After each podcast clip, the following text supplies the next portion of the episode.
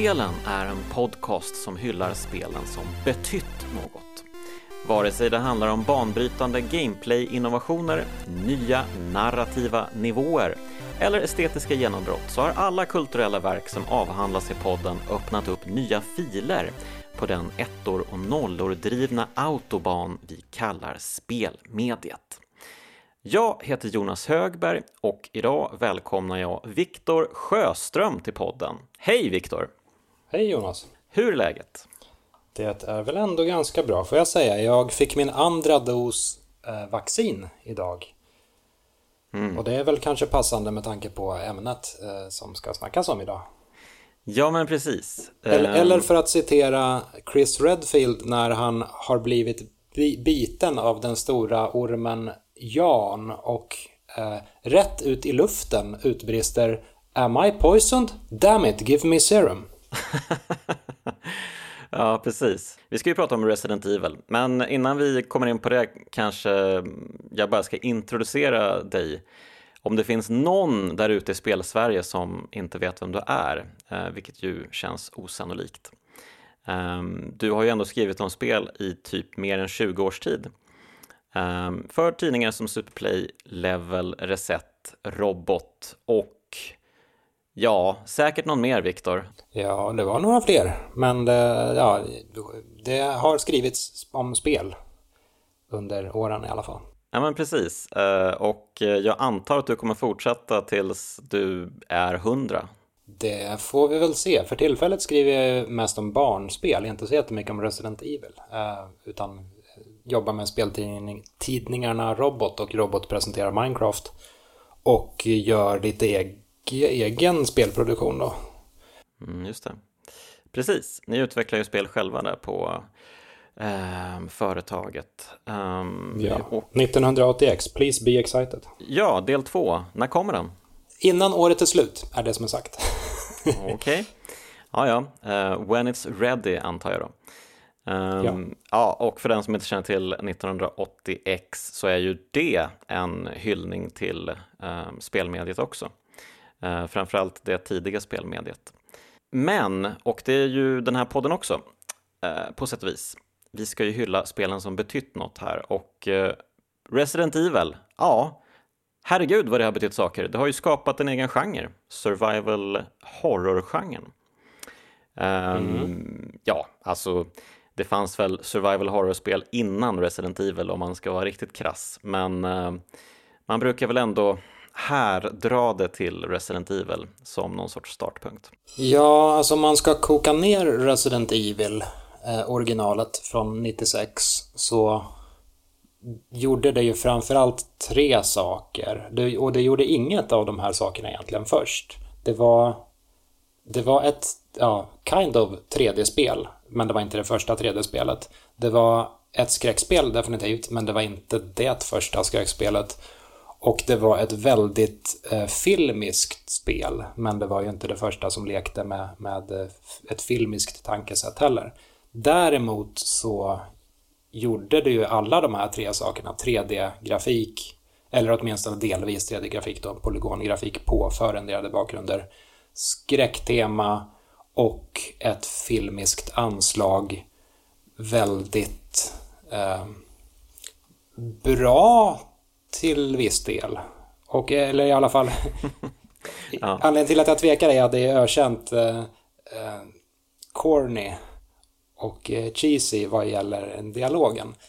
Men det var, det var, mm det var mhm. ju ett, verkligen ett storbudgetspel som satte alla de, eller som, som pushade fram gränserna för alla de här tre Eh, komponenterna skräck, 3D och ja, dramaturgi. Och eh, spelet eh, influerades ju av andra spel som kom tidigare såklart som du är inne på. Eh, speciellt skräckspel då, som Sweet Home och eh, Alone in the Dark. Precis. Ehm, som den norpat eh, mer än en beståndsdel från. Mm. Ehm, det är ju um, det är ju väldigt märkligt att spela om, eller för min del så var det inte spela om utan jag har ju då spelat eh, Resident Evil 1, eh, originalet, för första gången. Eller jag spelade ju Directors Cut inför den här eh, episoden. Mm. Um, och uh, det var ju inte riktigt alls som jag förväntade mig att det skulle vara. Um, jag spelade ju uh, GameCube-versionen av Resident Evil som mitt första. Mm. Men, um, men uh, förlåt jag avbryter, men, men har du spelat Resident Evil 2 och 3? Ja, absolut. Jag har ju spelat alla delar i serien. Ja. det är bara det att jag, min Resident Evil 1-upplevelse, den är centrerad kring GameCube-versionen egentligen. Mm. Och ställer man dem bredvid varandra, GameCube-versionen och eh, eh Playstation 1-originalet så är ju Playstation 1-originalet en, en mycket ljusare och eh, trevligare version. Eh, eller tolkning ja, av hela konceptet. Och även, lite, lite färggladare. Ja, alltså Resident Evil eh, till GameCube det är ju sjukt snyggt än idag. Det är ju helt bananas vad snyggt det är mm. äh, fortfarande. Det är sån otrolig detalj på bakgrunderna och äh, stämningen är ju oöverträffad nästan. Det är ju ett av mina absoluta favoritspel. Mm. Um, så därför var det ju oerhört märkligt att då ge sig in på det här urgamla då, urgamla, vad är det, typ sex år äldre um, spelet Resident Evil 1 mm. eller Directors Cut. Mm. Um, för de som undrar, Directors Cut-versionen är inte speciellt annorlunda gentemot uh, den första versionen. Det är bara det att det finns ett läge där uh, de byter ut alla föremålsplaceringar där de ligger någonstans på banan. Um, så att ja, man får typ en ny spelupplevelse. Mm. Och det finns väl lite, lite nya kameravinklar också och lite nya kostymer. Mm. Och om jag minns rätt finns det någon, någon ny svårighetsgrad också. Ja, men det kan stämma. Jag kunde spela på eh, standard och på, eh, jag vet inte om de kallar det hard, men det var någon extra eh, nivå. Mm. Förlåt att jag återigen avbryter, men och vi kommer redan in på specialversionen av Resident Evil 1 nu här, men Directors Cut-versionen vidareutvecklades sedan i en DualShock-kompatibel version ja, också. Eh, som är ökänd för att soundtracket skrevs om. Mm. Eh, och det blev väl ganska allmänt accepterat att det var en sämre version de, som de liksom mm. skrev över med. Eh, inte minst så har den här versionen en, en låt när man kommer ner i källaren eh, efter att man har kommit tillbaka till herrgården. Och det låter ju som att eh, ett gäng clowner har sex med ett gäng trumpeter. Eh, och, och den här låten i sig har en ganska märklig historia, för den skrevs av en kille som för, ja, just där och då ansågs vara döv, eller han utgav sig själv för att vara döv och hyllades lite för att han var ett, liksom ett, ett underbarn som ändå skrev eh, väldigt, väldigt cool tv-spelsmusik. Men sen kom det fram så pass sent som 2014 tror jag att det var, att han för det första inte var döv. Uh, han, han hade nedsatt hörs hörsel men inte helt döv. Mm. Uh, och för det andra så var det en annan kille som hade spökskrivit i princip hela hans karriär. Uh, och sen fick han leva i skam Oj, därefter. Vilken historia, underbart.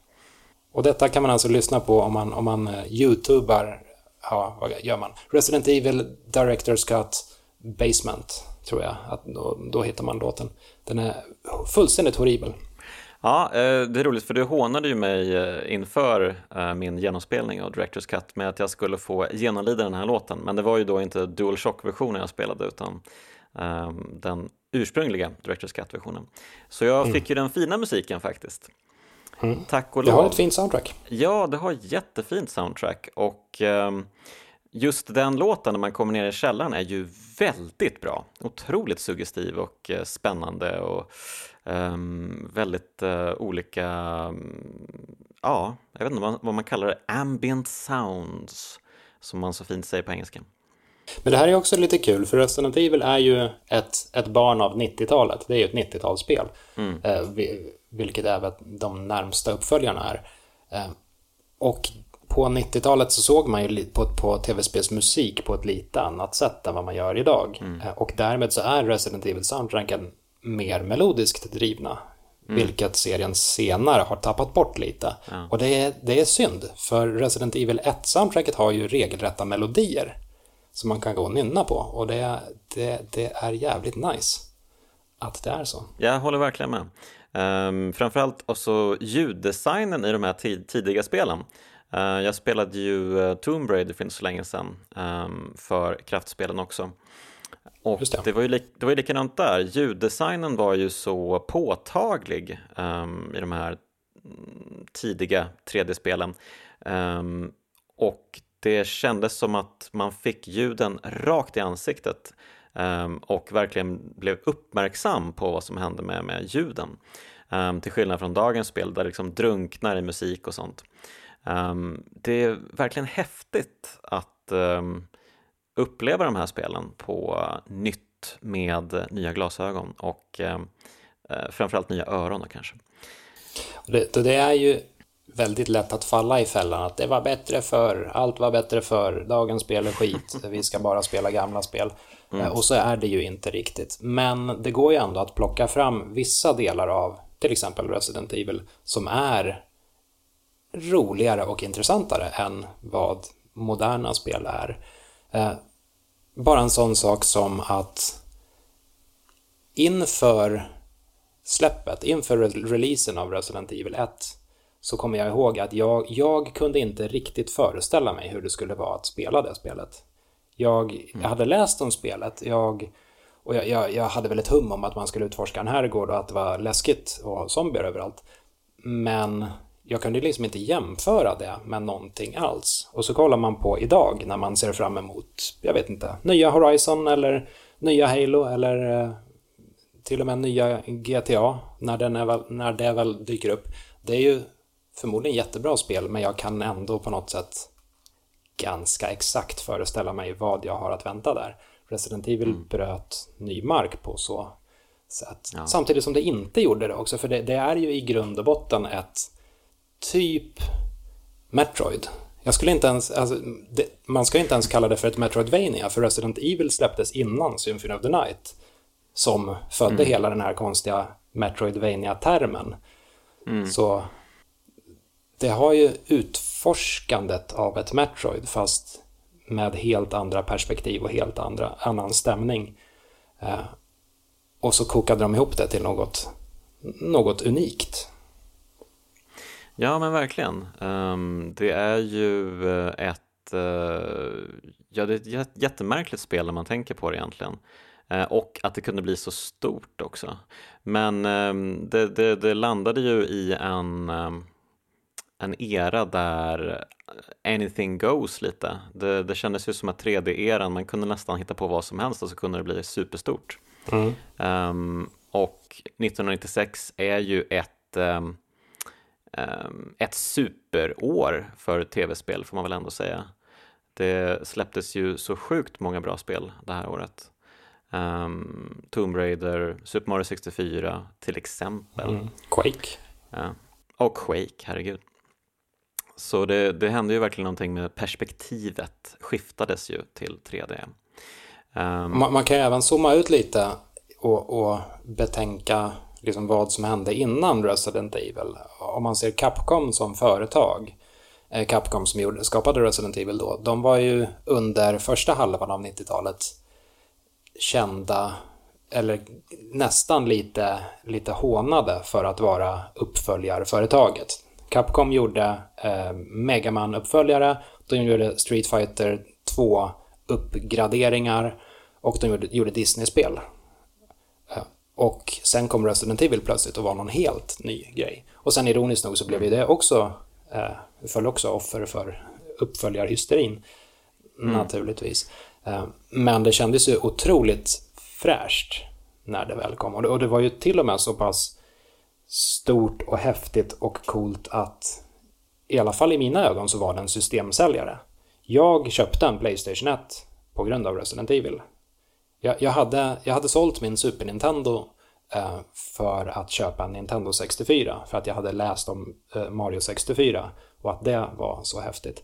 Men sen släpptes Resident Evil och då tänkte jag att nej, jag, jag, jag kan inte inte spela det här spelet. Jag måste ha Resident Evil. Och så tog jag min Nintendo 64-budget och brände den på en Playstation och Resident Evil istället. Ah, okay. Ja, jag, precis som du är inne på, jag läste ju faktiskt eh, om eh, recensionen av Resident Evil i Superplay eh, från 96 och eh, de är ju inne på exakt det du pratar om att eh, Capcom har ju gått ner sig, de är en skugga av sitt forna jag, men nu helt plötsligt, äntligen, Resident Evil, vad, vad är det som händer? Mm. En helt uh, ny spelupplevelse, vi är helt knockade liksom. Mm. Um, och, uh, ja, och sen så pumpade de ju verkligen ut Resident Evil-spel på typ bara två, tre år så fanns det ju typ fem Resident Evil-spel uh, i olika former och versioner och sådär. Ja, precis. Det, Resident Evil 1 uppgraderades ju uh, ett antal gånger. Resident Evil 2 kom på det, Resident Evil 3 ganska tätt in på det, Code Veronica. Men ettan, tvåan, trean klämdes ut verkligen på, på kort tid. Och det, det är lustigt också att Resident Evil 2, det släpptes 1998, alltså två år efter originalet. Eh, och då, mm. då var det ändå ett försenat spel som hade startats om. Så det var ju en, ja. en under, eller enligt den dagens mått mätt, en, en utdragen spelproduktion. Precis, de, på den tiden tänkte man det här, det här är ju som Duke Nukem Forever, vad är det som pågår egentligen? Ja. Nu får vi aldrig Resident Evil 2, vad är det helt sjukt? Två år för att utveckla ett spel! Precis. Är ni sjuka i huvudet? Och sen, jag vet inte om det är någon uppföljare som produceras på mindre än två år nu för tiden. Det tror jag inte. Ja. Nej men precis, till och med eh, indiespelen utvecklas ju längre. Um, Alltså Hollow Knight Silksong har ju tagit extremt lång tid. Till exempel. Um, ja, precis. Uh, men du var inne på det där. Hur var din, vad var din första upplevelse av Resident Evil? Vad kände du när du eh, steg in i herrgården? Jag, eh, jag, jag kom ju inte in i Resident Evil helt ovetande. Jag läste om spelet innan jag eh, faktiskt spelade det. Det är lite grötigt med mina minnen här. Jag är jag har för mig att jag lånade spelet för att spel för, för att liksom bara testa det mm. en kort session eh, innan jag faktiskt köpte det själv. Nej, så här var det. Jag lånade det under hösten. Sen på julafton tror jag att jag fick det i julklapp. Julen 96. Men jag fick inget minneskort med. Så mina första liksom, ordentliga minnen med Resident Evil var att spela med ja, men, in, instakill i princip. Varje gång man dog så fick mm. man börja om från början. Eh, och så var mm. det först någon gång i mellandagarna som jag kunde komma iväg och köpa ett minneskort. Eh, men det, det, på sätt och vis rekommenderas det verkligen att eh, för jävlar vad nervigt det är att ha klarat hela herrgården, varit ute i Guardhouse, komma tillbaka efter Plant 42 eh, och plötsligt hoppar en Hunter fram och slår mm. huvudet av en. Och så, nej, tillbaka till ruta ett. Ja, eh, och det, det, var ju du inte ensam om. Jag läste att eh, de släppte ju en preview-version av Resident Evil i USA eh, där de faktiskt eh, beslöt sig för att eh, begränsa de här lådorna som man sparar alla föremål i. Mm. Um, och se till att man inte, att de inte var connected med varandra. Just det. Eh, att de var bara en och en och en för sig, en vanlig låda, precis som det eh, borde vara mm. i verkligheten. Rent logiskt. Rent logiskt, men eh, så insåg de till slut att ja, vi kanske ändå får skärpa oss lite. Ja. De försökte ju göra den amerikanska versionen mycket svårare än den japanska. För att, för att motverka hyrmarknaden?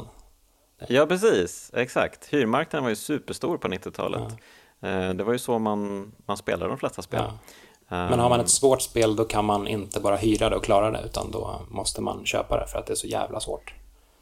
Exakt, den logiken. Exakt. Och Resident Evil gick ju igenom många eh, inkarnationer också, på tal om just då lådorna som, som hängde ihop. Ett tag var det ju tänkt att vara ett första persons eh, spel till exempel, vilket Resident Evil 7 och 8 sen blev många år senare.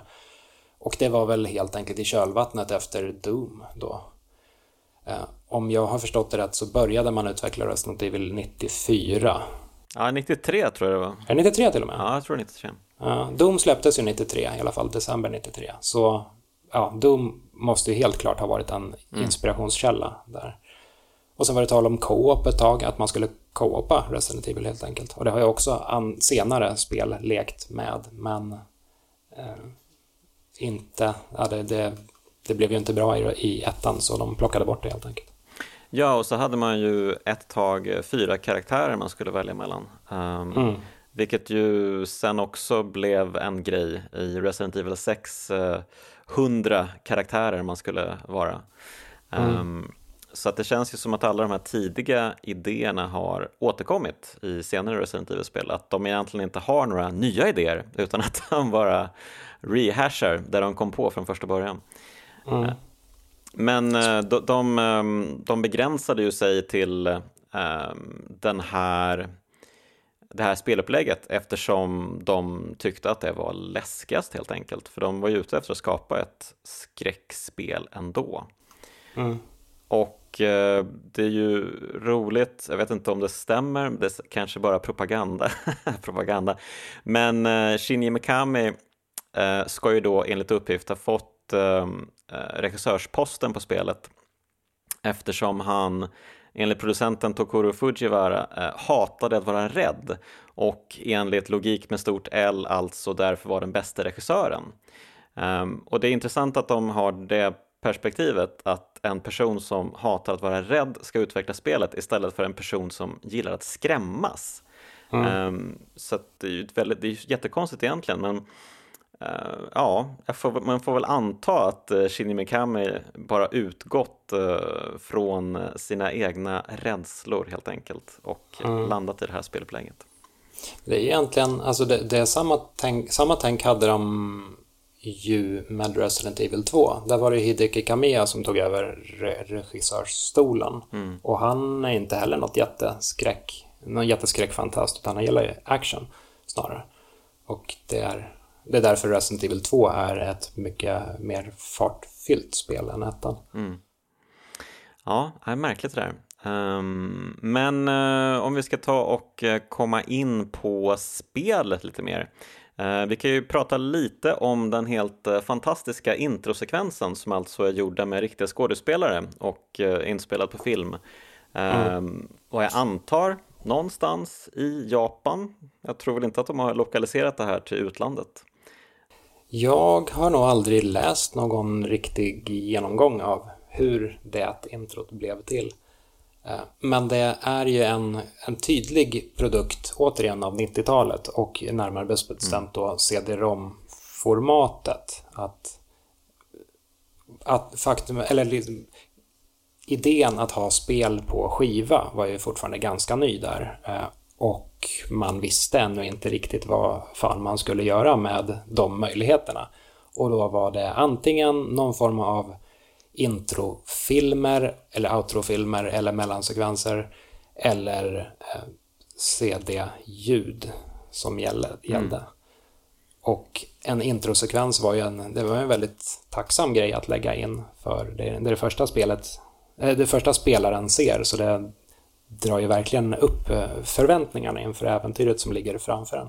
Jag kommer ihåg att jag, jag, jag tyckte ändå att det fanns Visst, alltså det, det, det är ju fruktansvärt ostigt det här eh, introt mm. med skådespelare. Eller man kan, jag vet inte om ens man kan kalla dem för skådespelare. Det är ju...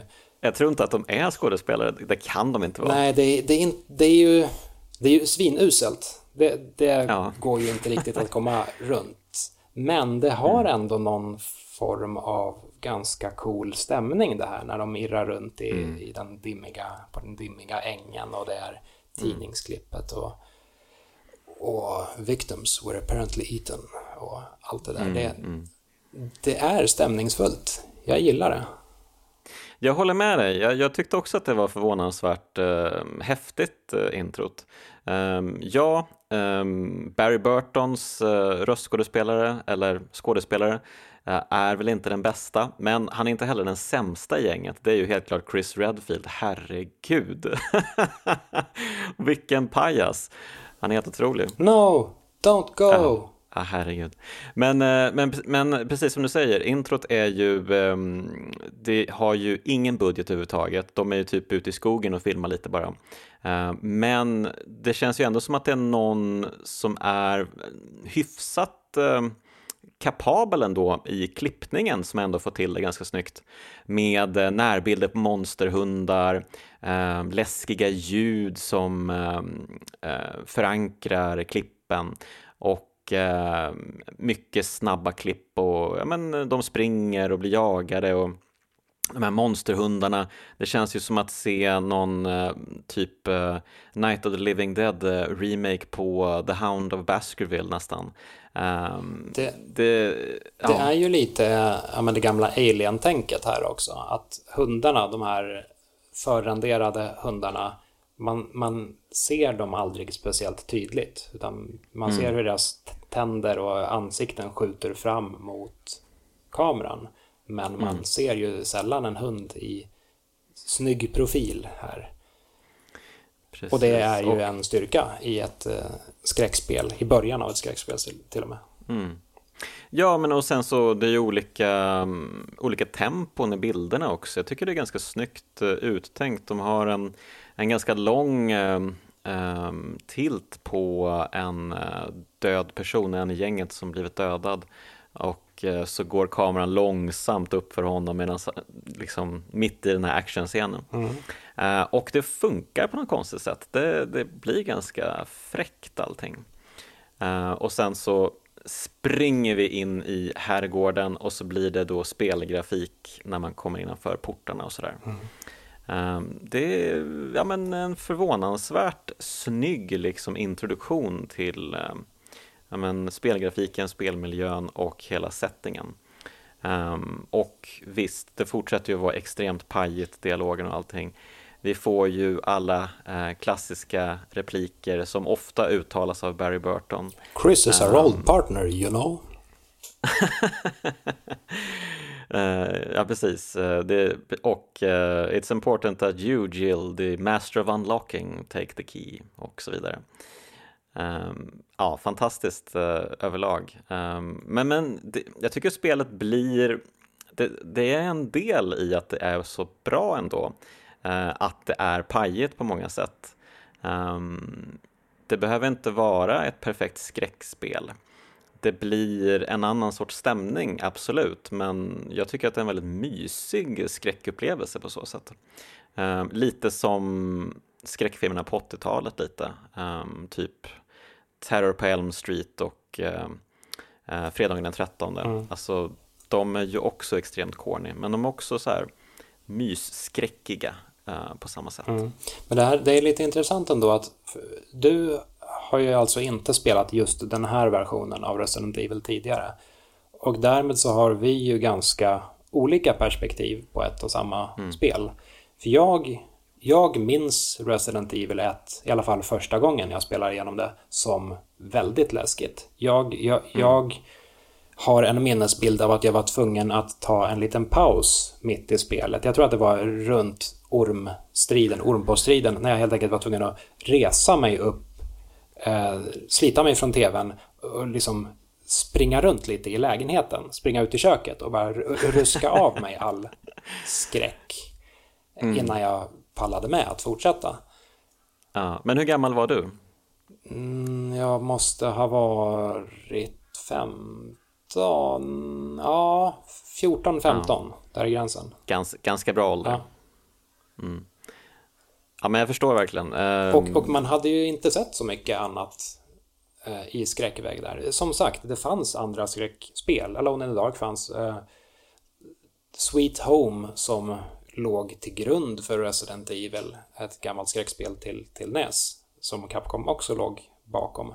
Det fanns, men det hade ju inte jag någon koll på där och då. Eh, så för mig så var Resident Evil en, en ny fräsch upplevelse som, som var läskigare än typ allt annat jag hade spelat. Ja, nej men uh, jag minns uh, hur jag spelade Resident Evil 2, typ, vad kan det ha varit, 99 kanske? Mm. Um, och uh, då var väl jag typ 16, 17. Um, och jag blev ändå extremt rädd av, för vissa saker. Um, det var någon gång ett monster försvann förbi ett fönster i polisstationen. Just det, som var extremt läskigt. Jag tror inte vi vågade gå in eh, innanför dörren, jag och min kompis. Vi bara stod där en jättelång stund och bara, nej, ska vi verkligen? Ska vi verkligen? Mm. Nej. Um, så att uh, absolut, det är ju ett uh, barn av sin tid mm. och ett storartat barn av sin tid. Ja, det, det är ju lite som att, som att um, gå tillbaka till Super Mario Bros 1. Och spelar man Super Mario Bros 1 idag så är det inte det perfekta plattformsspelet. Liksom, kontrollen i Mario 1, den är, den är okej, okay, den kanske till och med bra, men det finns betydligt skönare plattformsspel att spela idag. Men man kan ju liksom inte gå tillbaka till 1985 och säga att nej, men Hollow Knight känns jävla mycket skönare mm. att spela än det här. Mm. Ja men visst, och eh, ja, och framförallt Super Mario Bros var ju liksom extremt annorlunda jämfört med allt annat, så att det var ju verkligen en revolution på den tiden. Mm. Um, riktigt samma uh, nivå kanske inte Resident Evil når upp till, men ja, ändå. Det, det är mycket, mycket fina saker som spelet gör. Um, jag, jag slogs direkt av när jag kom in i uh, den här stora salen i herrgården att uh, rösterna faktiskt har ekon. Uh, mm. Otroligt bra ljuddesign. Um, att man tänker på en sån grej och sen när man kommer in i um, middagssalen den här jävla klockan mm, alltså, den går tickar. ju den, den, det känns ju som att uh, det är någon som har gett den um, knark. Alltså den, den, den snurrar ju på i otrolig takt. Bara klack, klick, klick, klick, klick, klick, klick, klick. Mm. Men det, det är ju en, uh, en pendel va? Som pendlar. Ja, precis. Pendeln ja, exakt. Men det blir, det blir uh, lite effektfullt också i och med att man lite senare i spelet använder klockan för att, mm. eller ja, får ett, får ett föremål ur klockan och klockan då stannar. Så att man inte hör mm. längre. Precis. Uh, ja, man har ju lite olika upplevelser um, i spelet och beroende på om man väljer Chris eller Jill som karaktär. Uh, jag spelade som Jill nu då, så att jag har ingen vidare koll på egentligen vad som händer med Chris. Um, förutom att han springer runt lite med Rebecca Chambers och um, har någon liten dust med Wesker kanske. Mm. Um, Chris börjar ju spelet betydligt svårare slash hårdare mm. än vad Jill gör. För Jill har ju mer... Jill har en, eh, har en pistol från början och det tror jag inte att Chris har. Ja, fast eh, jag spelade faktiskt första två minuterna med Chris. Har han pistol? Eh, och Ja, och då när han springer in och eh, träffar på den första zombien, som ju för övrigt är en ikonisk scen och ja. supersnygg fortfarande, eh, så sprang jag ut hela vägen ut till eh, salen, stora salen, och då hade ju Jill och Wesker försvunnit, mm. men då hade Jill tappat sin pistol på marken, så, så då plockar man upp den. Mm. Men han har ju, han har ju betydligt eh, mer barskrapat med, med resurser. Och han har heller inte Barry som eh, ja, men, psykologiskt stöd. Jill har ju ändå, hon, hon hänger lite med Barry i början av spelet. Chris, för Chris, ur Chris perspektiv så försvinner alla hans kompisar, går upp i rök och så är han helt ensam. Och det, det är inte kul alla gånger. Um, det är ju um, otroligt stämningsfullt tidigt i spelet och eh, speciellt när man kommer in i eh, korridoren med hundarna. Mm. Eh, jag blev lite, nästan lite chockad över att jag såg att det ligger ett skelett på en brickvagn precis när man kommer in i korridoren. Det har jag aldrig tänkt på tidigare, jag vet inte om det verkligen var så i GameCube-versionen. Um, men här blev det verkligen påtagligt vad det är som har hänt här liksom. Um, en liten, liten detalj som gjorde väldigt mycket för inramningen och för när man sen blir jagad av hundarna. Vad minns du av din första upplevelse där? Hundhoppet. Ja. ja, det är ju ett av spelhistoriens mest uttjatade ögonblick ändå. Det, och det, det, är ju ett jättebra ögonblick. Det är bara det att varje gång man snackar skräck inte bara när man snackar Resident Evil, utan snackar skräck eller snackar ikoniska ögonblick överhuvudtaget, så dyker alltid hundarna som hopp, plötsligt hoppar in genom fönstret i, i eh, L-korridoren eh, upp. Och eh, det är ett jättebra ögonblick. Jag hoppade definitivt till första gången jag, jag spelade den korridoren. Men spelmekaniskt så tycker jag nog bättre om det vi nämnde tidigare, zombie, det första zombiemötet. För mm. eh, hundhopparkorridoren, den är ju egentligen, vad ska man säga, spelmekaniskt strömlinjeformad. Man, mm. man springer i den korridoren, hundarna hoppar in, men det enda man som spelare behöver göra, förutom att, eh, att skita knäck, det är att springa vidare i korridoren. Man, man mm. har redan en framåtrörelse i den korridoren.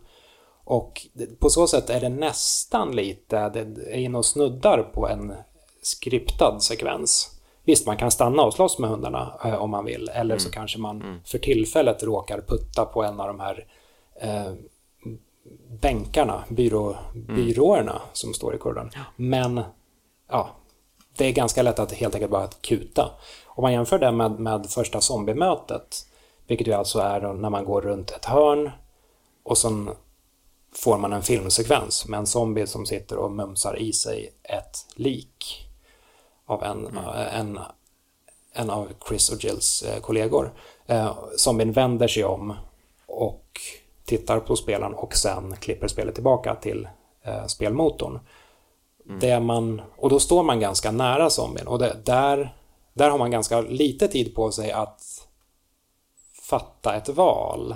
Antingen försöker mm. man vända sig om och springa och det känns creepy för att man då måste vända ryggen åt zombien.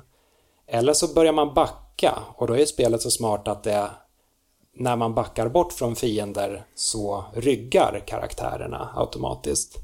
Eh, så då förstärker det bara känslan av ja, men, ren skräck. Och så får man mm. även välja då inom loppet av någon sekund. Ska jag försöka slåss eller ska jag fly tillbaka? Så mm. första zombiemötet är jag ett stort fan av. Speciellt, speciellt eftersom zombier som numera är väldigt uttjatade inte alls var lika uttjatade i slutet av 90-talet. Eh, Resident Evil var ju ett, ett av spelen, en stor anledning till att zombier faktiskt blev en grej under hela 00-talet och 10-talet. Ja, precis. Eh, George A. Romero själv sa väl att eh, det var Resident Evil och ja, vad var det mer? Något annat spel eh, som hade populariserat eh, zombien och gett honom eh, chansen att göra mer zombiefilmer. Mm. Um, så han tackade väl Shinji Mikami för det. Och han var ju nästan på väg att göra en, en Resident Evil-film också, den första Resident Evil-filmen. tills någon kom på att det inte alls var en bra idé. Och eh, det kanske det inte var heller. Jag läste lite snabbt eh, det manusförslag han la fram och i det så är ju Chris någon bonde eh, som är ihop med Jill och eh, ja, men lever på landsbygden och typ eh, ja, träffar på zombies där och helt plötsligt så är de i herrgården och ja, jag vet inte. Nej, men eh, precis som du säger, det är ju ehm, det är ju ett speciellt ögonblick när man möter zombien också för att man måste verkligen Eh, komma till tals med eh, kontrollen, mm. den här tankkontrollen som ju ändå är väldigt speciell, eh, speciellt nu för tiden då, men på den tiden så kanske det inte var lika speciellt. Eh, Lara Croft hade ju också en tankkontroll eh, mm. och det var väl ganska vanligt antar jag i tidiga 3D-spel att man körde tankkontroll. Ja, vilket ju alltså då innebär men... höger och vänster på, eh, om man trycker höger och vänster så vrider man sig som en, ja, mm. som en pansarvagn helt enkelt. Trycker man uppåt Precis. eller neråt så kör man framåt eller backar med sin gubbe slash pansarvagn. Mm. Ja, det är ju väldigt uh, bängligt får man väl säga. Um, och uh, speciellt när man är livrädd så är det ju extremt uh, olämpligt mm. att tvingas navigera sig runt väldigt smala korridorer med flera zombies i. Mm. Um, och det, det, har ju argumenterats fram och tillbaka också huruvida den mediokra kontrollen i Resident Evil är en styrka eller om det är en eh, svaghet. För på sätt och vis gör det ju spelet just mycket, mycket läskigare. Jag gillar tankkontrollen. Jag tycker att den, eh, den tillför väldigt mycket ehm, och jag tror inte att det hade varit lika eh, framgångsrikt läskigt utan den. Nej. Ehm, och de behöll den ju ändå till Resident Evil-remaken på GameCube Ehm, de vet ju om att den är en styrka. Och likadant med Resident Evil 2-remaken såklart. Mm. Um, och det, det, handlar ju också om att göra ett spel som är baserat på just den kontrollmetoden man har. Om man kollar mm. några spel framåt eh, och, och kollar på Resident Evil 4 till exempel så har ju det en väldigt eh, begränsad kontroll i jämförelse med till exempel Gears of War. Men fienderna agerar ju efter den här kontrollen. De springer fram och så ställer de sig framför en nästan på ett lite ljuspistol spelaktigt vis. Att nu ger vi dig mm. 3-4 sekunder när du hinner sikta och skjuta om du vill.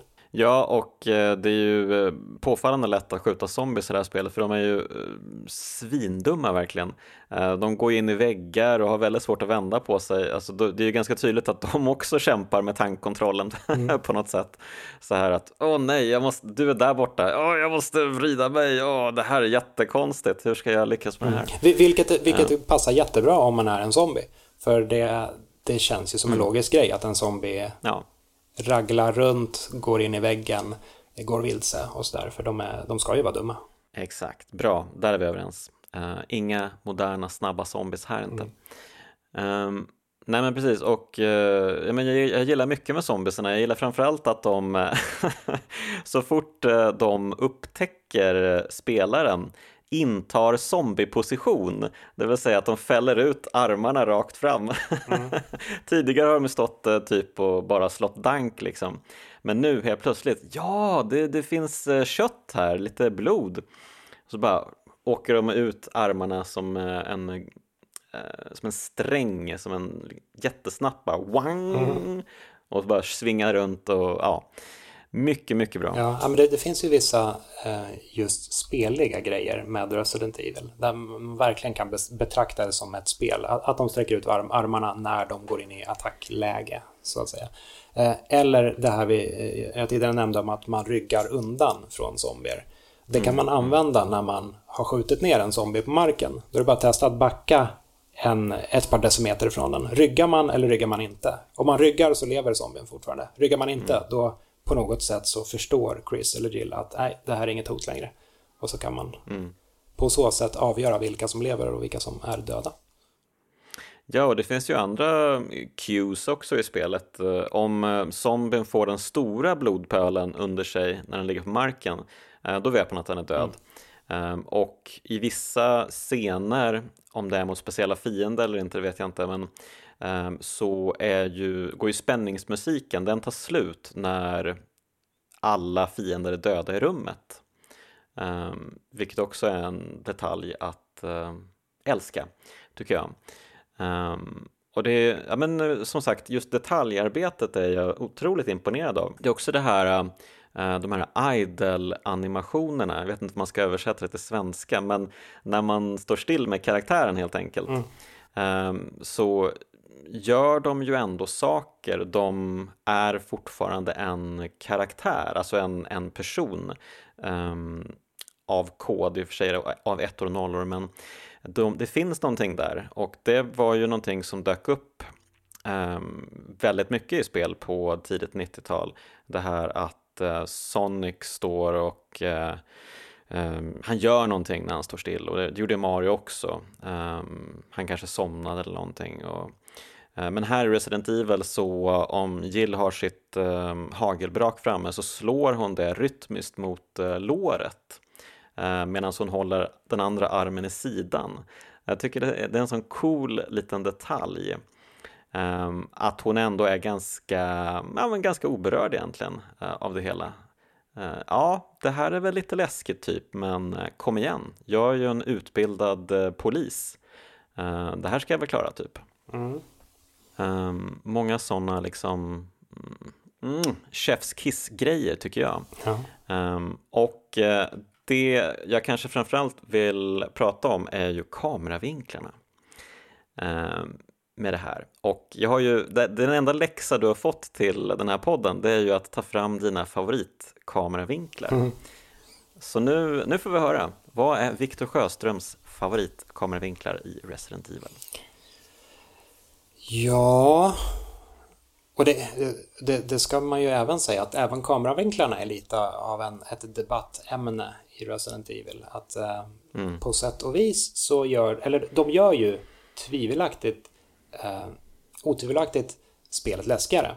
Men de försvårar det ju å andra sidan för en, för att de ofta döljer vad som finns längre fram. Det är ju ett spel som, eh, det är ju ett skräckspel, så det jag lutar ju snarare åt att kameravinklarna är en bra grej än en dålig grej. Men det, det går som sagt att diskutera.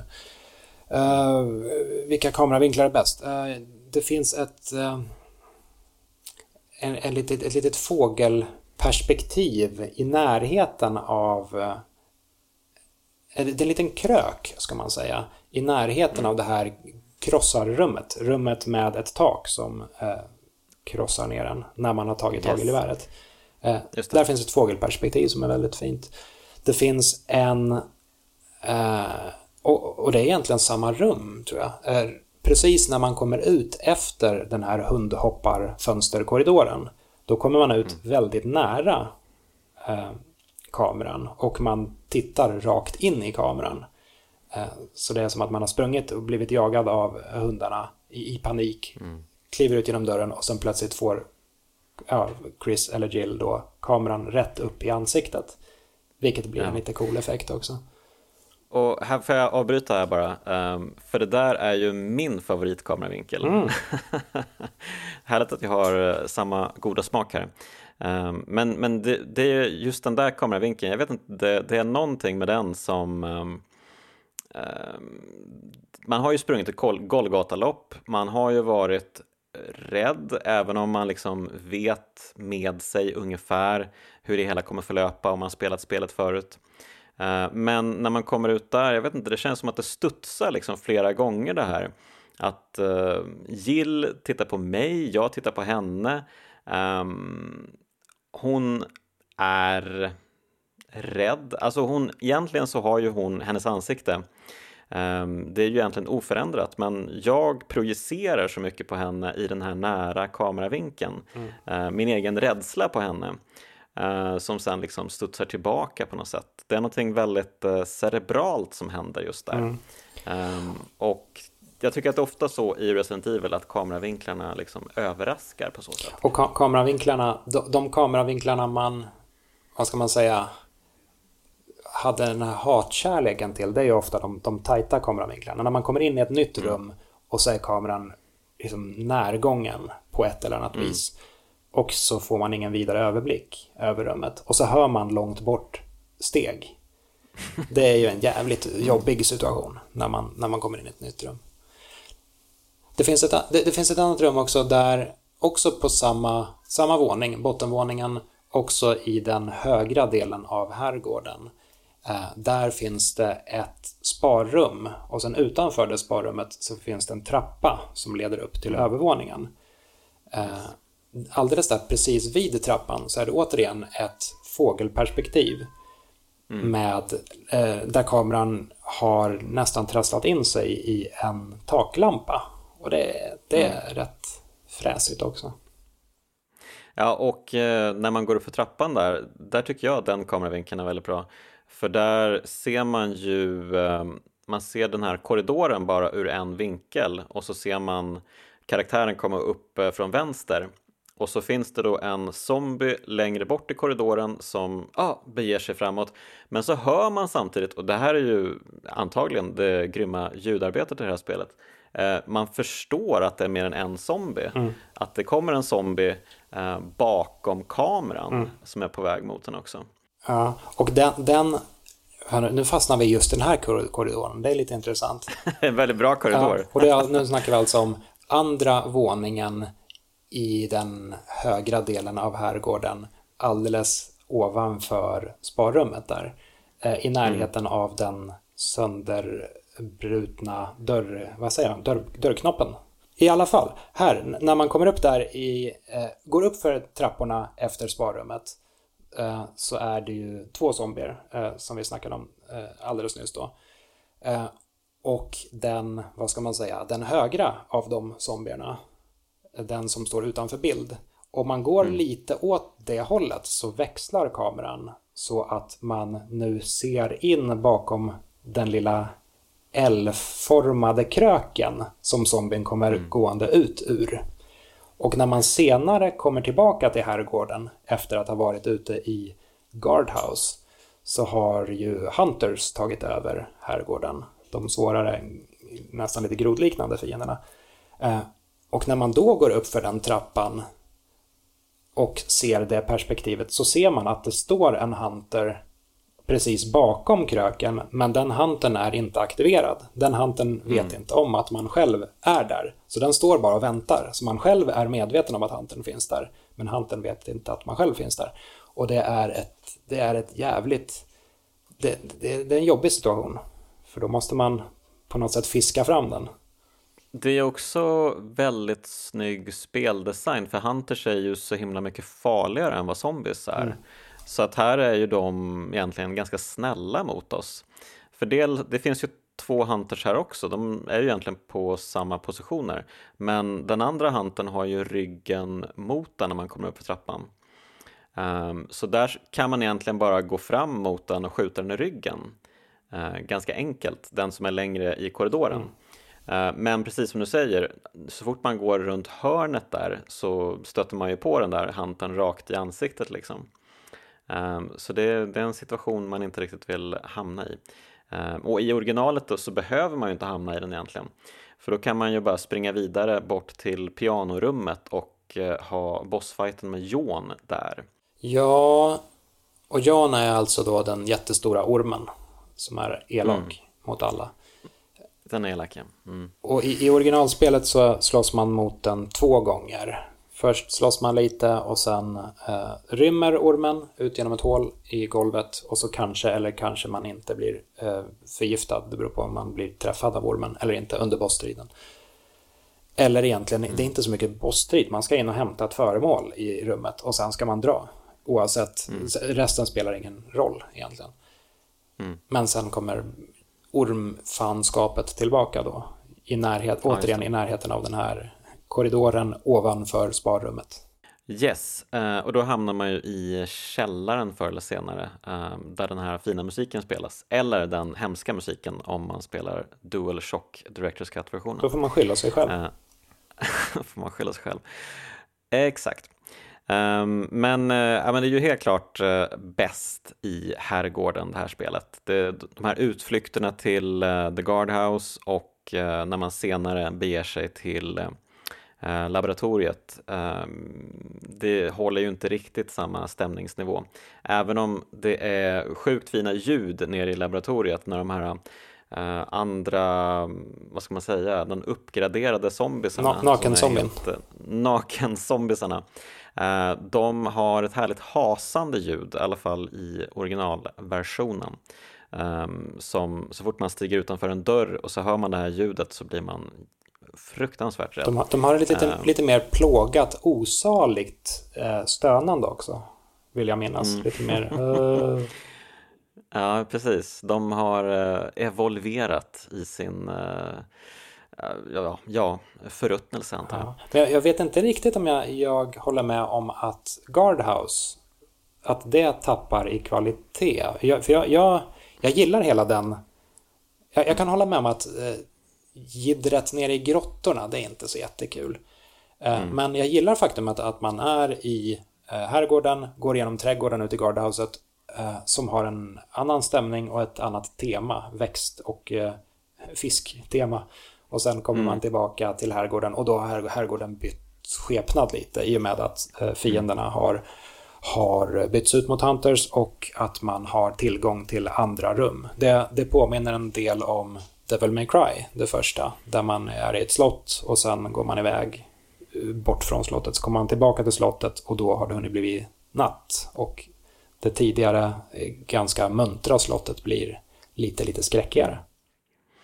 Just det, precis. Ja, men, eh, jag älskar spel som har den, vad ska man kalla det, funktionen. Um, jag tänker också på Arkham Asylum, det första spelet. Där händer det ju ganska mycket med bakgrunderna när Batman går fram och tillbaka. Uh, och Jokern liksom förändrar hela um, dårhuset mm. på olika sätt. Um, det är väldigt härligt och tematiskt väldigt snyggt. Mm. Så absolut, starkt jobbat Resident Evil. det gör så mycket rätt, verkligen. Men eh, vad, vad tycker du om item management då? Det är ju ytterligare en, en, den tredje delen på detaljerna med spelet som folk fortfarande är lite oense om. Det är fortfarande om det är bra eller dåligt. Mm. Um. Jag...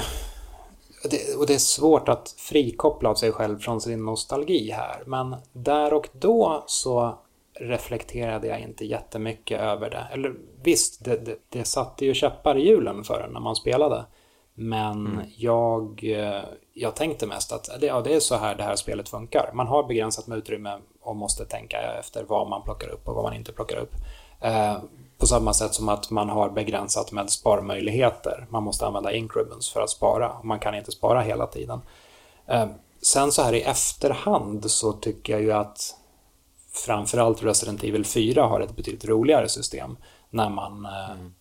i och för sig också har ett begränsat utrymme men man får det, det, det i sig blir ett, något av ett minispel när man får pyssla och vända och vrida på sina föremål för att försöka mm. trycka in så mycket som möjligt i sitt inventory. Så jag skulle, jag skulle nog kanske inte vilja ha ett nytt spel när man går tillbaka till det här systemet men jag störde mig inte på det när det begav sig. Mm. Nej, men jag, jag håller med dig. Det, det har blivit mycket äh, bättre, själva item management-systemet. Um, men uh, ja, det gav väl någonting. Jag tänker ofta på eh, i slutet när man ska ta sig upp på helikopterplattan i allra slutet mm. så ligger det ju ett batteri på marken som man måste plocka upp och eh, sätta in i batteriuttaget vid hissen och få hissen att fungera. Mm. Um, och har man fullt med items för man tänker nu är det dags för slutbossen så blir man ju lite pissed off för man måste ju göra sig av med någonting för att få plats med batteriet i items och sen lägga ifrån sig batteriet direkt efteråt. Mm. Så här tänker man ju bara att Capcom jävlas med en. Ja, som, som sagt, det är ju det är ju inte det är ju inte perf en perfekt lösning när man går tillbaka och kollar på den med, med dagens ögon. Men, men Resident Evil hade ju många sådana saker, som ja, den där tankkontrollen till exempel, eller kameraperspektivet. Eller laddningsscenerna med dörrarna. De är visserligen väldigt mm. stämningsfulla och så, och de gör ju det bästa mm. de kan i och med att spelet ändå mm. måste ladda in ny data.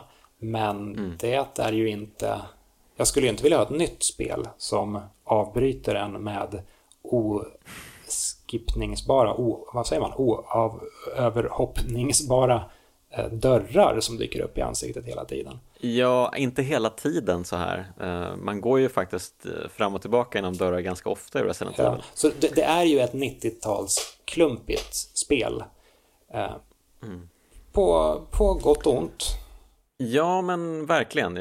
Till stor del håller jag med, men jag tycker också att det, det blir väldigt stämningsfullt vissa gånger just med uh, musiken, för det är ju inte alltid det är musik i spelet. Ibland så är det ju helt tyst vissa passager. Mm. Um, och då när man går in genom en dörr så avbryts ju musiken tvärt om man kommer in i ett rum där det inte finns musik. Um, vilket också blir en stämningshöjare. Um, det säger ju någonting att eh, oj då, nu byter vi fokus eller liksom helt och hållet eh, stämning eller um, nu blir det någonting helt annat. Mm. Um, och det här att det sker mitt i dörranimationen, um, ja men det ger någonting tycker jag. Det, det, det är också ganska kusligt. Sen kan man ju se dörranimationerna också som en två års lång uppbyggnad av skräckeffekten som sedan lades in i Resident Evil 2. För i Resident Evil 2 så mm. finns det en dörr i spelet när man öppnar den och går in i en sån här dörr, vad man tror är vanlig laddningsdörrskärm. Men sen mm. finns det zombier på andra sidan som, som kommer fram. De stod på andra sidan mm. dörren och så plötsligt hamnar mm. man i en zombiestrid istället. Eh, och då vid det laget är man ju så otroligt invan vid att dörrscenerna är en, det är en säker plats. Ingenting kan skada dig i dörren. Inget. Mm. Men Resident Evil 2 motbevisar dig och plötsligt så blir du uppfuckad ja. rätt i dörren. Ja, precis. Eh, och ja, egentligen, alltså det sker ju två gånger i Resident Evil 1 att en fiende faktiskt går igenom en dörr. Den, den första är ju zombien man träffar på som mumsar på ens kompis tidigt i spelet. Om man ofta då springer iväg som Jill och springer in till Barry så följer ju zombien efter. Det är en mellansekvens, jag vet. Just det, för Barry Men... skjuter huvudet av den. Exakt, så man behöver, ja. inte, man behöver inte bry sig om den. Men sen kommer det ju en Hunter um, och uh, den här infamösa um, första personsekvensen man ser ur Hunterns uh, ögon mm. Uh, springer ju genom trädgården och på väg mot uh, herrgården mm. springer ju efter den i en spår man precis har kommit tillbaka till herrgården. Mm. Men, men väldigt mycket och, snabbare. Väldigt mycket snabbare, exakt. Så att man känner, vänta du här, vad är det som pågår? Och så får man ju se Hunterns arm sträcka sig ut och eh, helt enkelt öppna dörren.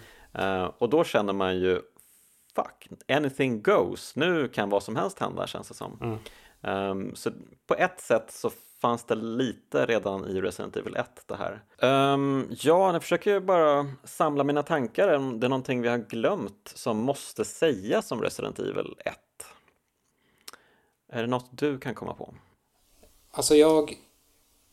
Jag slås återigen av att där och då så var Resident Evil en systemsäljare. Resident Evil var, när det släpptes, det tveklöst coolaste man kunde spela på Playstation. Och det är ju en grej som serien tyvärr har förlorat nu för tiden. Det, det finns ju mm. ytterst få människor som köper en konsol för att spela Resident Evil Village till exempel. Mm. Och ja, som sagt, mm. det, det föll...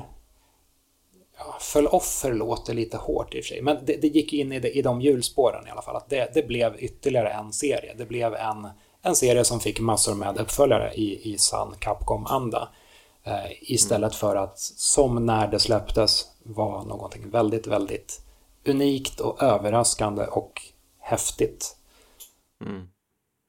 Men om du ska försöka sammanfatta vad Resident Evil har gett oss eller var, hur det har förändrat spelmediet, vad, vad skulle du säga då? Det drev ju fram, som sagt, 3D. Det var, det var inte det första 3D-spelet, men det var, det var, det var inne där och rotade runt i den här tidiga 3D-soppan när alla experimenterade med 3D. Så det här var ju ett, eh, en viktig pusselbit i, i att lista ut hur 3D funkade. För i slutet av 90-talet så ville ju alla göra 3D-spel men det var långt ifrån alla som visste hur fan man gjorde ett 3D-spel. Så vi har mm. flera exempel på serier som ja, men till exempel Castlevania som i form av Castlevania 64 då. Så här, nu är Castlevania 3D. Det blev inte så bra dock. För att, eh, ja. ja, jag minns, usch. Så det, som 3D-pusselbit är det ju ett viktigt spel. Eh, som sagt, som ett filmiskt spel är det viktigt också. I, nu för tiden så har ju de flesta spel stories och eh, eh starka huvudpersoner, det har dialog och allt det där. Det hade spel inte heller, det, eller det var inte normen i slutet av 90-talet. Utan, ja, Resident Evil experimenterade ju, bröt ny mark där också. Och, och framförallt då skräcken också. Mm. Så de här, de här tre komponenterna, skräck, 3D och eh, filmiskt tänk. Inte nytänkande, mm. inte, eller inte, inte unika för Resident Evil, men Resident Evil var framme och pushade gränserna för dem. Ja men verkligen eh, och ja, till exempel vissa spel hade vi ju kanske inte fått se om det inte varit för Resident Evil. Jag kan inte tänka mig annat än att Silent Hill måste ha blivit inspirerat av Resident Evil extremt mycket. Även om det är ett spel som har en helt annan fokus, tempo, stämning och så. Ja. så ja. Men det, det, det, syns ju extremt tydligt bara i, vad ska man säga, tidslinjen över den allmänna spelhistorien också. Resident Evil släpptes 1996, eh, Silent Hill släpptes 1999. Eh, det är en mm. period på tre år mellan dem. Så det, det, är ju precis lagom då för att eh, Konami skulle se vad Capcom gjorde med Resident Evil och tänka järnspikar, det där ska vi också ge oss in på. Och så gjorde de Rest, äh, Silent Hill istället. På tal om kameravinklar för övrigt. Silent Hill, ja. första Silent Hill, Silent Hill 1 då helt enkelt från 99 har ju väldigt spexiga kameravinklar när man springer i gränderna i början. Som eh, vrider okay. och vänder på sig hit och dit. Men det är en annan ah. historia. Ah, rörlig kamera. Ja. Mm. Härligt. Ja, det kanske blir en historia att återkomma till. Nästa steg. Um, näst, ja, precis, nästa steg. Um, ja, men uh, jag tycker att uh, det var en fantastisk sammanfattning och uh, jag tycker att det kanske är dags för kraftspelen att packa ihop det här avsnittet om Resident Evil. Um, tack så hemskt mycket Viktor för att du var med och pratade. Tack för att jag fick komma hit och prata. Ja, tack till Viktor och tack till dig för att du har lyssnat. Och ett stort tack till Bitpopbandet 047 som lånat ut sin underbara låt Tulpaner till Kraftspelen. Hörni, ta det lugnt, samla kraft, så hörs vi nästa vecka.